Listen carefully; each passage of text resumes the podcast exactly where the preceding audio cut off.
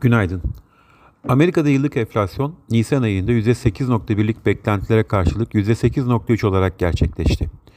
%8.5'a nazaran daha düşük bir oran olmasına rağmen enflasyonda düşüşün başladığını işaret etmediği için piyasalar tarafından olumsuz karşılandı. Veri sonrası Amerika endeksleri teknoloji sektörü önderliğinde düşerken Amerikan 10 yıllık tahvil faizi %2.88 seviyesine geldi. St. Louis Fed Başkanı Bullard dün açıklanan enflasyon verisinin ardından yükselen fiyatların geniş tabana yayıldığını ve düşünülenden daha kalıcı olduğunu gösterdiğini belirtti. Bugün Amerika'da üretici fiyat endeksi ve İngiltere'de büyüme verileri açıklanacak. Borsa İstanbul'da yurt dışı piyasalardaki satış baskısına paralel olarak hafif bir satıcılı başlangıç öngörüyoruz. İyi günler, bereketli kazançlar.